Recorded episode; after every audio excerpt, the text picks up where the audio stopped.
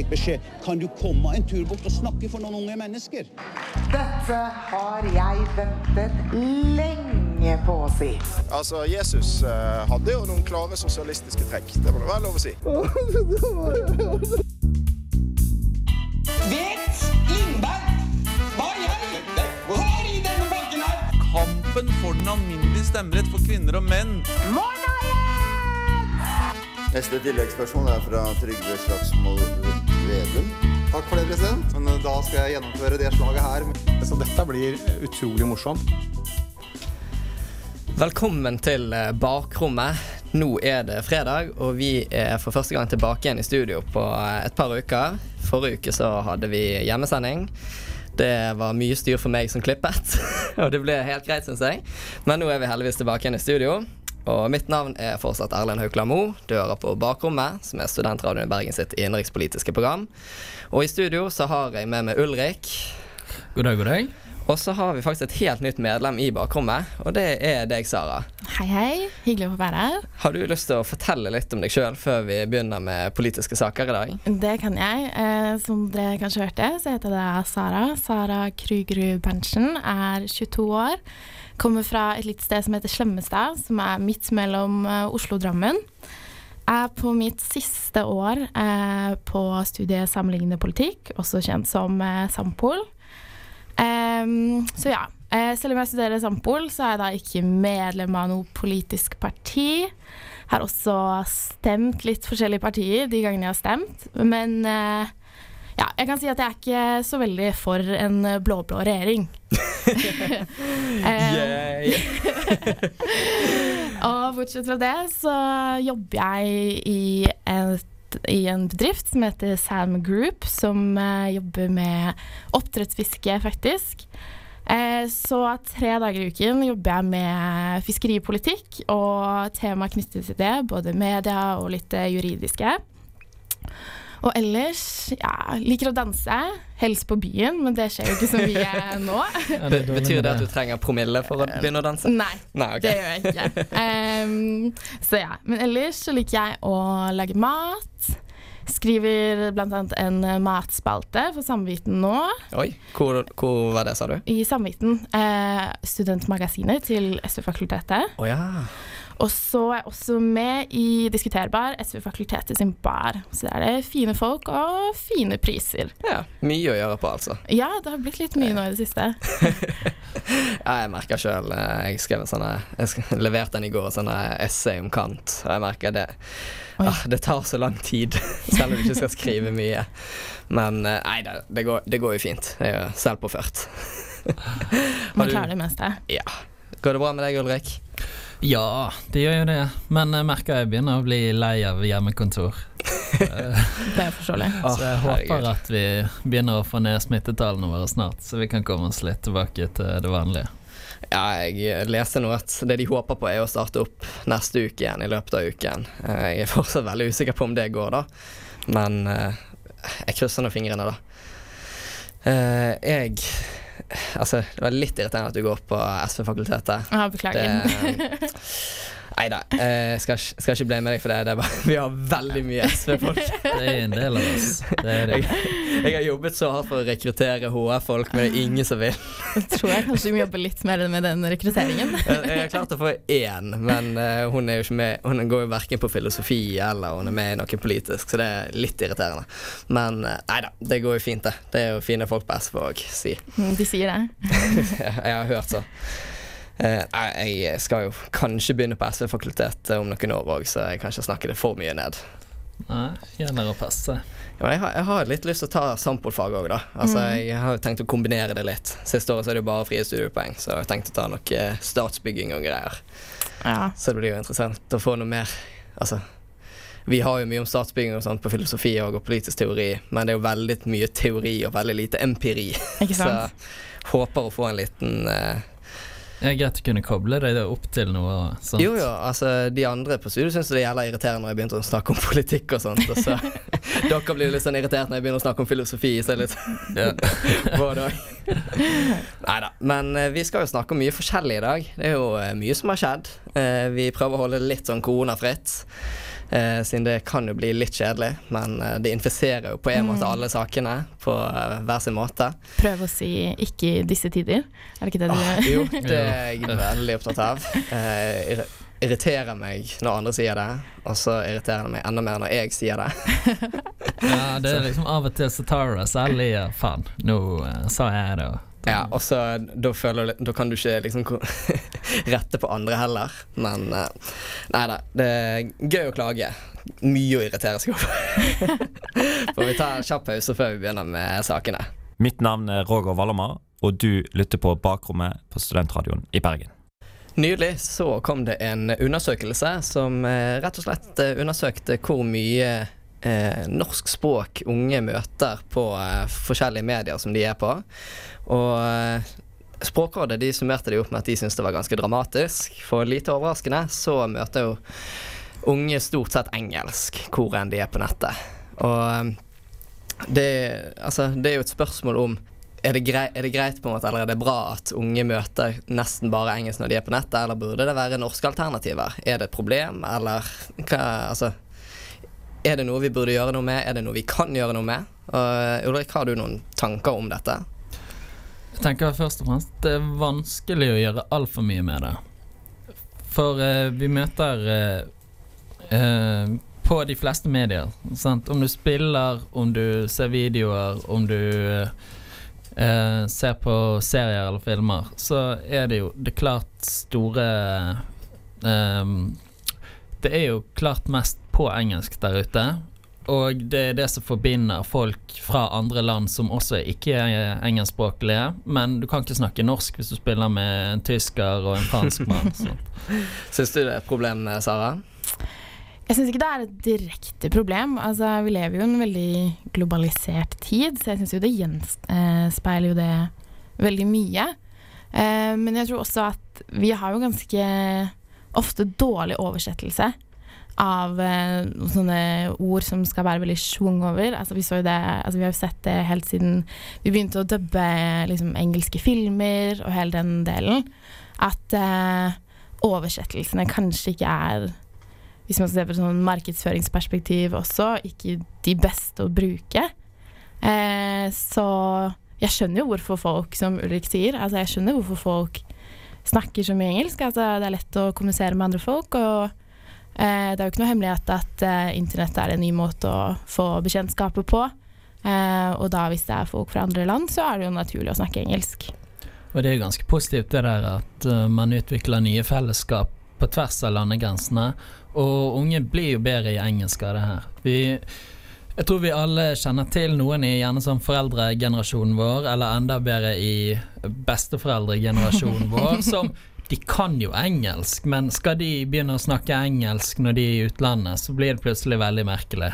Ja, altså Med mindre de liksom har bodd lenge eller jobbet mye i utlandet, så er det veldig norsk-engelsk. Mm. altså, jeg, jeg er litt sånn jeg, jeg vet ikke om det er et problem, egentlig. Altså Problemet er jo mer hvis det viser seg at de blir dårlige i norsk. Altså fordi jeg tenker at Altså at de er bra altså, At folk er gode i engelsk, det er jo bare pluss. Mm. Men hvis det går på bekostning av norsk, da syns jeg det begynner å bli et problem. Altså, altså jeg syns nå det er viktig at vi har det norske språket, og altså selv om vi Jeg aner jo ikke om det finnes om 1000 år, f.eks. Men Nei. altså akkurat her og nå så syns jeg nå at det er fint at vi har det. Absolutt. Og det er jo du, du merker det jo på en del folk at det blir veldig mye engelske fremmedord inni der òg. Det er jo spesielt på ting som vi har ikke så veldig gode norske oversettelser på. Så det er jo viktig det der eh, som du snakket om, at vi har gode oversettelser på ting, sånn at folk faktisk tar det i bruk i sin hverdag. Ja, et- en mulig løsning, holdt på å si, det er jo det Island gjør. Fordi de er jo veldig på dette med å bevare sin egen kultur og sitt eget språk. Og det er hver gang de oppdager her er et nytt ord som eh, folk importerer fra engelsk, så jobber de faktisk med å finne ord eh, finne på nye islandske ord for de ordene. Mm. Så, og så liksom promoterer de de og liksom Litt sånn propaganda på en måte. Bruk dette ordet, bruk dette ordet, ikke bruk det engelske. Sånn, hvis, hvis det er såpass viktig for Norge, så er det jo mulig å få til noe sånt. Men så tenker jeg jo at du, altså, det er jo ingen som klarer å erstatte YouTube og Netflix, f.eks. Da må du jo heller gjøre Altså Jeg syns NRK Super for eksempel, har vært veldig flinke på å lage innhold for barn. Og når Supernytt kom i sin tid Altså eh, Når det begynte, så var jeg gans, Altså jeg var sånn akkurat i den demografien, så det passer veldig bra for meg. Men jeg husker mamma trodde at det var sånn tulleprogram. Altså sånn eh, her, her skal vi lage vitser om nyhetene, liksom. Men det er, altså, de tar jo unger på alvor. Ja, ja, og unger er jo interessert. Ja. Og tar det ned på deres nivå. Og hvis de klarer å bare produsere mer innhold på norsk, så tror jeg det å liksom fa faktisk klarer å få unge til å ville se på det. Ja. Det er jo kanskje Problemet er vel mer når man kommer eh, i ungdomsalderen, i tenårene, og man ikke lenger ser på type barne-TV og den Ja. type, men du går over på litt mer voksne eller ungdomsprogrammer. Og, og det er jo igjen da også du begynner å bli god nok i engelsk til at du begynner å se på uh, engelskspråklige medier. Ja, og så er det jo litt sånn Nor Norge har ikke vært så på dubbing som typ Frankrike er. Altså De dubber jo nesten alt Ja. som blir laget av engelsk og utenlandsk. Eh, I Norge så er Du ser jo nesten aldri dubbede filmer som har mer enn 13 års aldersgrense, liksom. Nei. Nei, og det, det tror jeg er en bra ting. Ja, altså jeg, jeg digger jo det. Jeg syns det er mye bedre å se ting på originalspråket. Ja. Gitt at jeg forstår det språket, da. Men jeg vet jo selv, altså jeg ser jo mest på engelske serier.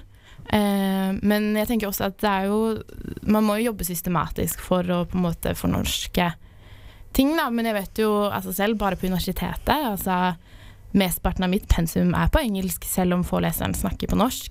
Ja, jeg, Så- tror, jeg tror det gjelder de aller fleste studier utenom Ja. sånn juss og norsk, for eksempel, eller nordisk. Så jeg tenker at det hjelper jo ikke bare å skal fornorske ungdommer og gutter som eh, spiller, for å stereotype det hele. Eh, at eh, når du da begynner på universitetet, og uansett alt er på engelsk, så har du jo kanskje egentlig ikke så veldig mye å si igjen. Ja, så vi kan egentlig oppsummere med at det er ikke, det er ikke nødvendigvis et problem i dag. Eh, og så må vi egentlig gå mål, målrettet inn hvis vi skal ønske å faktisk gjøre noe med det. Men med det så er vi ferdig med det, så er vi tilbake igjen etter en liten pause. Mitt navn er Bjørnar Moxnes, og du lytter til Bakrommet i Studentradioen i Bergen. Rasisme det er noe jeg ikke liker. Bold statements only. Og eh, i det siste så har det jo vært eh, litt debatter om eh, vi skal fjerne statuer av folk som i hvert fall i sin tid opptrådte ganske rasistisk sett med våre øyne. Og så nå så er det jo kommet en ny sak, og det er en benk i Botanisk hage i Oslo som er dedikert, tror jeg det var, til vitenskapsmannen Carl von Linné. Aner ikke om jeg sa det riktig. Eh, fordi han eh, var med og bidro til å dele mennesker inn etter raser, og dermed hjalp til med den her systematiske oppdelingen av mennesker eh, i forskjellige raser, som da muligens hadde forskjellig verdi. og Sara, eh, syns du det er riktig å fjerne en sånn benk, som de nå har foreslått? Jeg tenker at eh, kanskje ikke denne debatten nødvendigvis handler om den spesifikke benken, eh, men om kanskje litt at vi nordmenn er veldig glad i å tenke at vår fortid og liksom, hederspersoner eh, ikke har vært så Eller at vi, har vært, vi er kanskje litt ignorante da, mot hvordan vi har be, eh, behandlet eh, ulike raser og folkegrupper. Ehm, så jeg tenker at det er et symbol, eller det er symbolisk hvis vi eh, fjerner den. Eh, men det er kanskje ikke eh, den spesifikke trebenken i Botanisk hage som er problemet. Nei. Eh, Ulrik, hva tenker du? Ja, nå var jo heldigvis Linné svensk, så vi slipper å Å, skamme oss over han. Men det er jo Altså, eh, Linné, det som han gjorde som er at han er så viktig i vitenskapen, det var jo at han systematiserte veldig mye av uh, biologien vår. Sant? Han delte inn i planterike, dyrerike, dyrerike i hundedyr, kattedyr osv. Og derfor er, han, er denne her benken satt opp i det som kalles den systematiske hagen eh, ved Naturhistorisk museum. Um, men så drev han jo òg da og systematiserte mennesket inn i ulike raser og ga de ulike egenskaper sånn. Ja, og det er litt sånn Altså det er jo en grunn til at benken er dedikert til han, og det er jo nettopp fordi han bidro med masse positivt, og ting som vi i dag ser på som positivt, og hjalp eh, med å drive vitenskapen fremover. Eh, og det Jeg er ikke så fan av å fjerne den, eller å liksom jeg vet ikke, ta tilbake igjen dedikeringen. Jeg vet ikke hvordan det funker, men Ja. Og jeg tenker nå at det er bedre at eh, Altså, dette er jo ikke en statue, så for en statue er jo mer sånn Å, se på denne personen som var så fantastisk. En benk er jo ikke helt det samme der. Men det tenker jeg at da er jo dette her heller en mulighet som vi kan bruke for å utdanne folk, eller lære folk om denne personen. Og at ja, han gjorde masse positivt, Mm. og dette her bruker vi fremdeles i dag. Men så er det jo en bakside med dette her òg. Å fortelle om at selv om Det er ikke sånn at mennesker bare er gode eller onde. Altså, noen kan være midt imellom, noen kan være begge deler, avhengig av eh, tidspunkt. Ja, og jeg tror det det, det er jo viktig det, da. At man opplyser gjennom begge sider av det. Uh, men det gjør ikke at vi nå skal ta vekk alle ting som ikke oppfyller det vi i dag ser på som rettferdig og likestilt og sånn. Så er det jo flere perspektiver her. En ting er jo om vi sier at vi må dømme folk ut fra hvordan de var i sin samtid. Og hvis vi da ser på han, så kanskje han ikke er så rasistisk, men da ser vi jo han som en hvit, uh, rik europeer, og vi ser det ikke fra perspektivet til uh, noen andre. Men det andre her som jeg tenker, er jo at det her er en sånn importering av amerikanske uh, saker. Mm. Så det virker som av og til at uh, en del nordmenn ikke føler at uh, problemene vi har her er store nok, så vi importerer litt sånn problemstillinger Vi har, fra vi har USA. Og i USA er det jo en svær greie med spesielt da, de her sørstatsgeneralene og sånt. Og det blir jo en veldig annen diskusjon. Ja, altså det, det er jo veldig mye mer med tanke på når de faktisk ble satt opp, og hvorfor de ble satt opp. Så Ja, det er jo sant? Og hva de er kjent for? Jo, vi kjempet for sørstatene for å beholde slaveriet. Ja. De, de er ikke Ja. satt opp for noe som vi i dag faktisk tenker var positivt, i tillegg til alt det dårlige de gjorde. Ja, nettopp. Og det er ak akkurat det du sier med altså hvis, hvis han Carl Hvis det han hadde vært mest kjent for, var akkurat dette med å skille rase av mennesker, så hadde det vært en annen sak enn hvis det viktigste faktisk er det at han bidro til generelt med biologien. Ja. Men eh, det, det er jo ikke en lett sak, dette her, og det blir jo spennende å se. Jeg tipper at det ikke skjer så grådig mye. Jeg tror ikke det kommer til å fjerne han med det første. Men det blir jo interessant å se om det skjer noe. Ja, det er jo um, Så eh, er vi vel straks tilbake igjen. Så kan det være vi tar en liten oppdatering når eh, Hvis det skjer noe nytt. Hei, jeg heter Harald Viktor Hove, og du lytter til Bakrommet på Studentradioen i Bergen. KrF de har jo sittet i regjering en god stund nå, og så eh, har det jo vært eh, spørsmål, eller det er blitt stilt spørsmål om hvor KrF egentlig står i politikken. Og grunnen til at vi snakker om dette, er jo egentlig en Jeg tror det var en kronikk av sønnen til eh, godeste eh, Bondevik. Ja, Nei, nå sto det helt stille, merket jeg. Jeg glemte det helt vekk hva han het.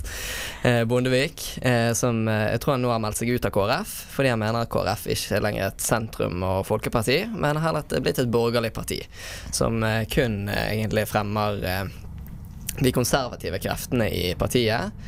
Og at dette er bekreftet både av det at de valgte å gå inn i regjering med Høyre og Frp, og det at de brukte veldig mye av slagkraften sin til å ha en liten endring i abortloven. Og Ulrik, syns du det er en riktig analyse å si at KrF er blitt et borgerlig parti, eller er det å ta litt hardt i? Nei, altså det, det som man kritiserer mest, er jo uh, at de fokuserer for mye på eh, kristne verdier, på kristenkonservative verdier, og at de ikke er så opptatt av eh, verdier og hjelpe folk. Um, og Kan, kan du forklare litt hva du mener med for, forskjell på kristenkonservative verdier og kristendom? Ja, det er jo ikke, det er jo ikke jeg som mener det her, da. Men, eh, men det jeg tenker på, er jo sånn fokus på abort spesielt, sikkert. Og, men eh, Og det har jo vært eh, en del av den viktige grunnen til at eh, KrF gikk der de gjorde. At de så de kunne få et gjennomslag på abortloven, f.eks. Men jeg, jeg tenker det her kan jo ikke være så veldig overraskende uh, for Bondevik junior. Det er jo de her, Det her har jo vært to sider av KrF hele veien, Mm. sant? Um, de har jo hele tiden vært for det her. Det er det som står i partiprogrammet deres. Det er det de ønsker å få til. Hareide også ønsket jo å få til lignende ting. Men han ville jo gjerne få det til med den andre siden og trodde det var et bedre sted. Og så er det selvfølgelig andre saker her. Altså Han ønsker å bruke mer på bistand. Han ønsker at uh, de skulle ta inn flere flyktninger fra Moria og sånn. Men jeg vet ikke om det har så mye med side å gjøre, egentlig.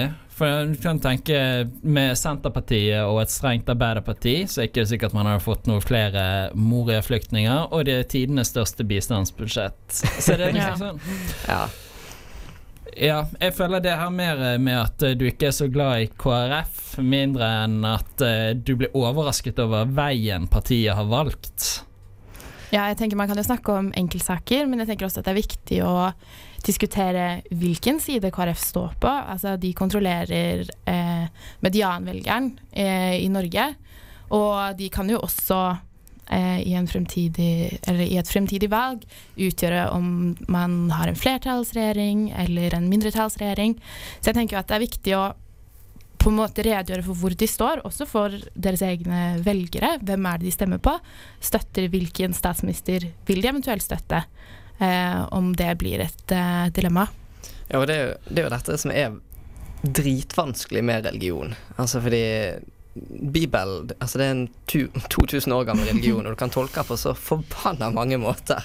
Mm. Og det blir litt sånn å si at du er kristen altså I seg sjøl så betyr ikke det så mye. Fordi altså det, det, er så utrolig bredt. Altså Du kan ha de der ungjordskreasjonistene som eh, hater alle andre enn seg sjøl.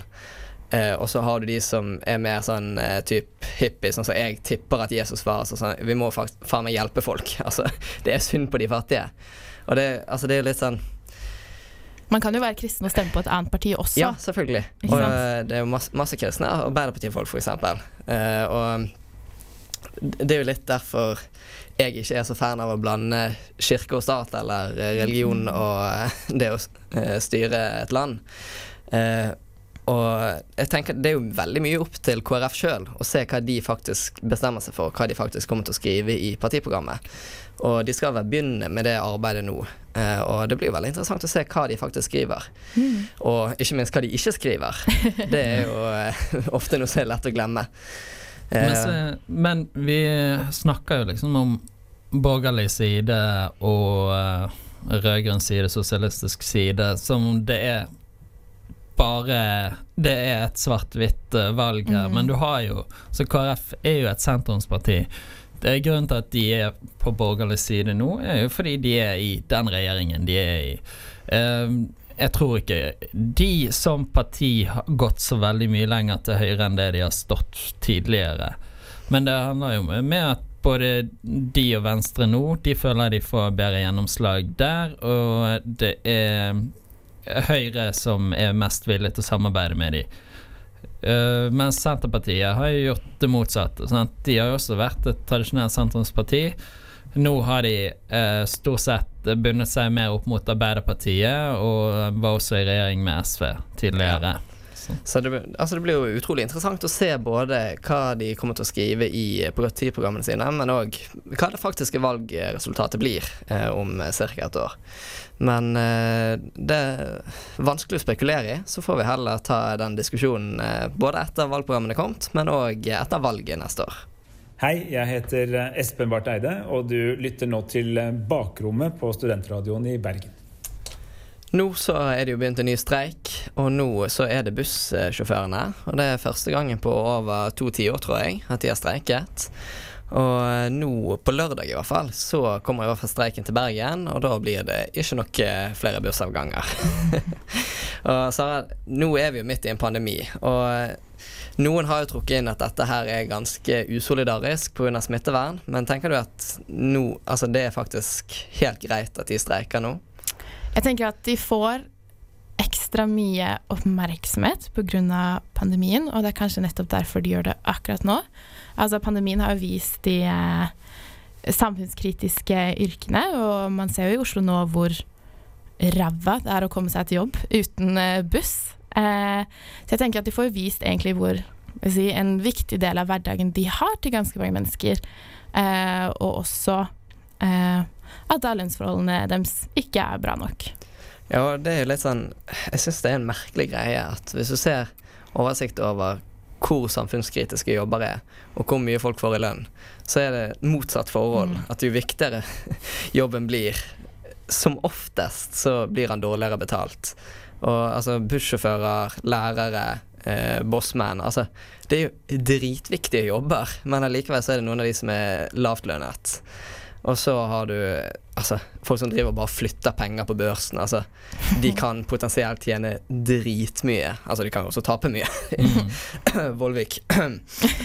Men eh, eh, Ulrik, har du uh, bli, Det blir kanskje litt feil å si at du har sympati med bussjåførene? Eller håper du at uh, de faktisk får høyere lønn? Syns du de fortjener å få høyere lønn? Jeg syns det alltid er vanskelig å uttale seg om hvem som fortjener mer lønn eller ikke. Men uh, det, er jo, eh, det er jo klart at det påvirker folk, men det er jo også Det er jo meningen med en streik, er jo at uh, det skal gå litt utover folk.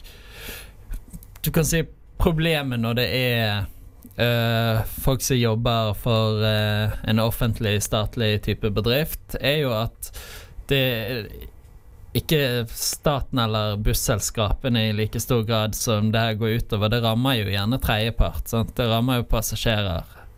Uh, og til en viss grad må vi jo regne med det. Det må være greit sånn sett. Så, så må de jo bare følge med at det her ikke eh, hindrer for mye helsepersonell f.eks. å komme seg på jobb. Og, for hvis det er lammet, lammes og eh, det går utover kapasiteten og sånn, så kan jo det være et problem. Ja. Det har jo blitt sånn at liksom sak om et sykehus i Oslo der folk som har vært på nattvakt, må kjøre og hente andre som skal på morgenvakt. Altså det Logistikkmessig messig, eh, er det jo veldig eh, utfordrende for veldig mange.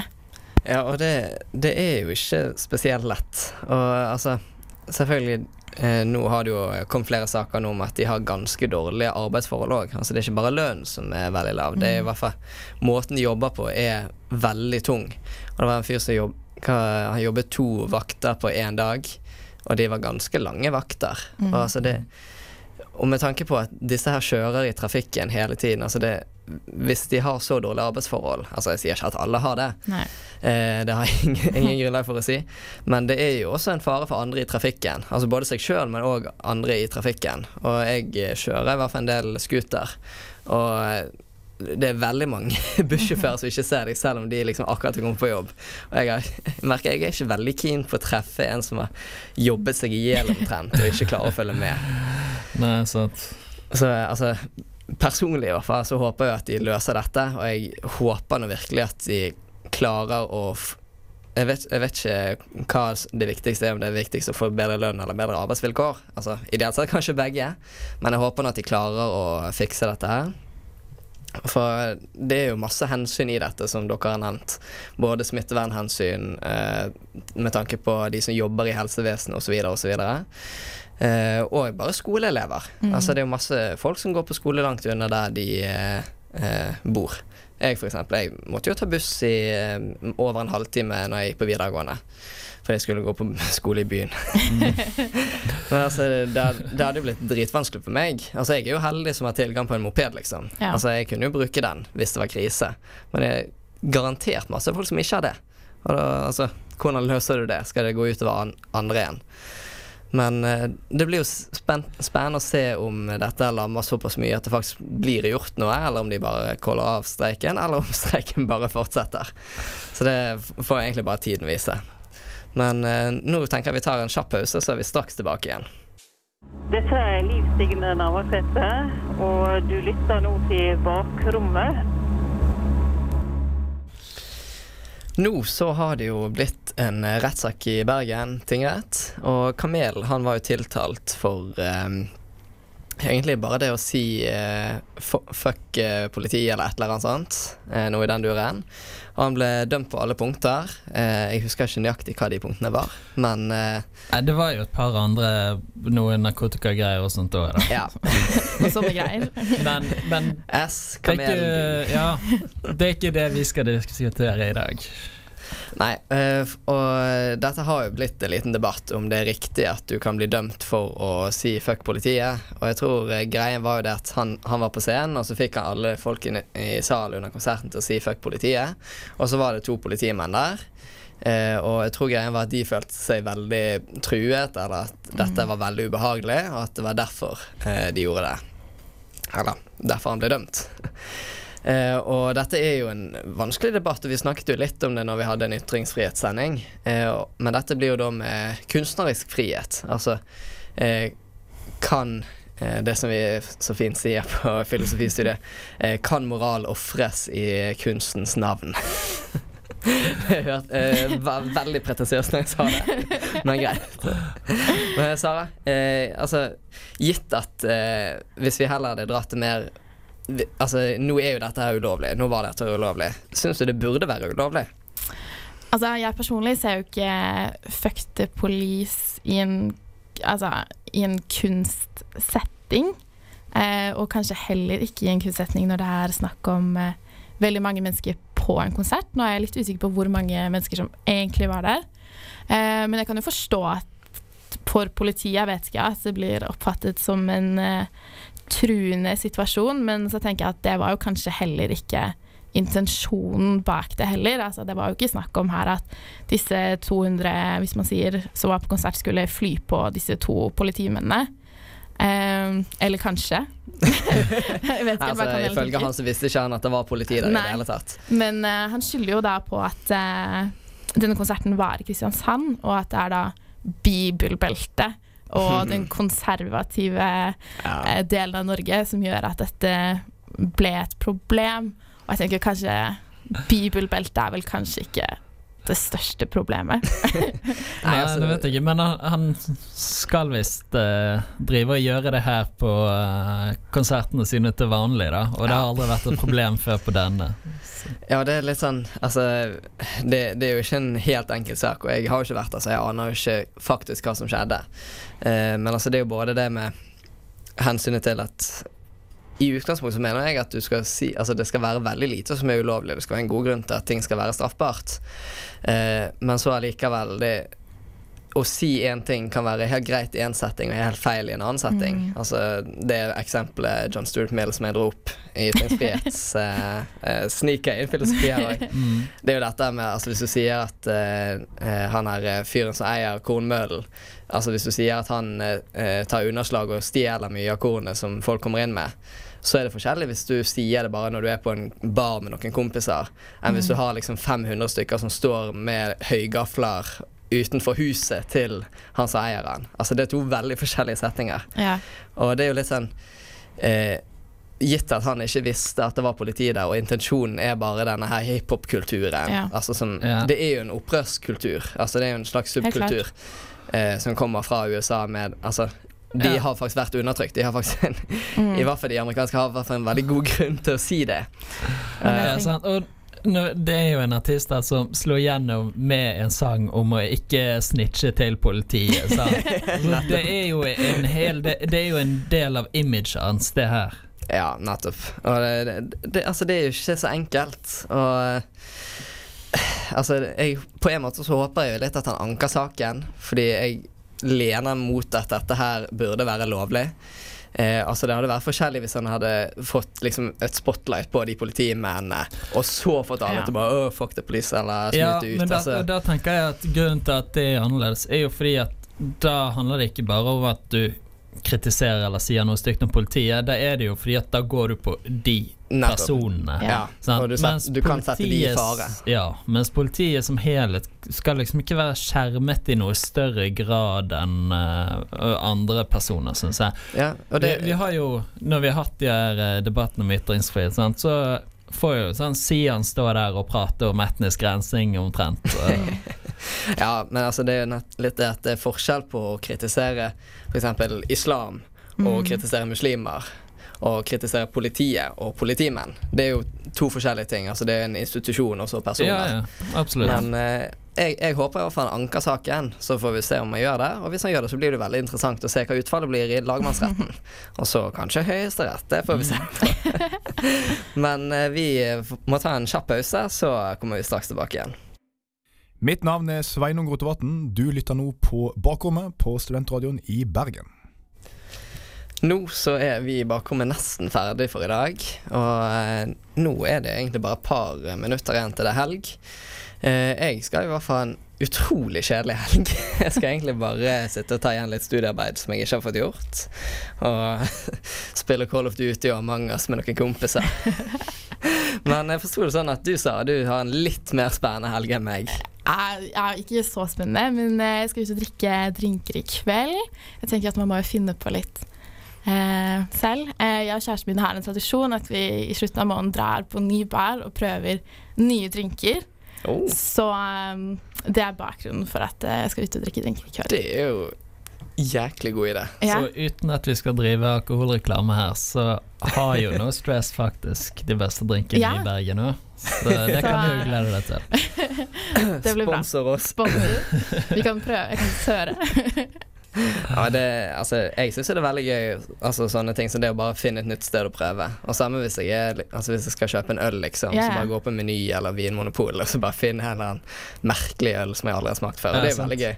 Altså, sånn, 50, det er jo litt 50-50. Det kan være helt yeah. forferdelig, men det kan jo også være dritgodt. Men eh, altså, jeg, jeg er litt sånn vanemenneske òg, så jeg må liksom dra meg litt ut på nye steder. For det ender først med at jeg tenker sånn Ja, men der var det jævlig godt sist. Jeg har lyst til å gå der igjen. Så, Eh, Nei, alltid for den nye ting. Det er alltid bra. Nei, eh, Bestevenninnen min Hun er veldig flink på å prøve nye ting. Og jeg er veldig glad for det. Fordi det er bare sånn Her må vi gå, dette må vi gjøre. altså, vi litt sånn Vi drar hverandre litt i forskjellige retninger. Så hun, når hun liksom prøver helt urealistiske ting, så bare drar jeg jo litt Nei, du. Vi lager tomatsuppe. Altså, nå tar vi det enkelt. Det blir en bra balanse. Ja, så det it cancels out. Det nuller seg ut.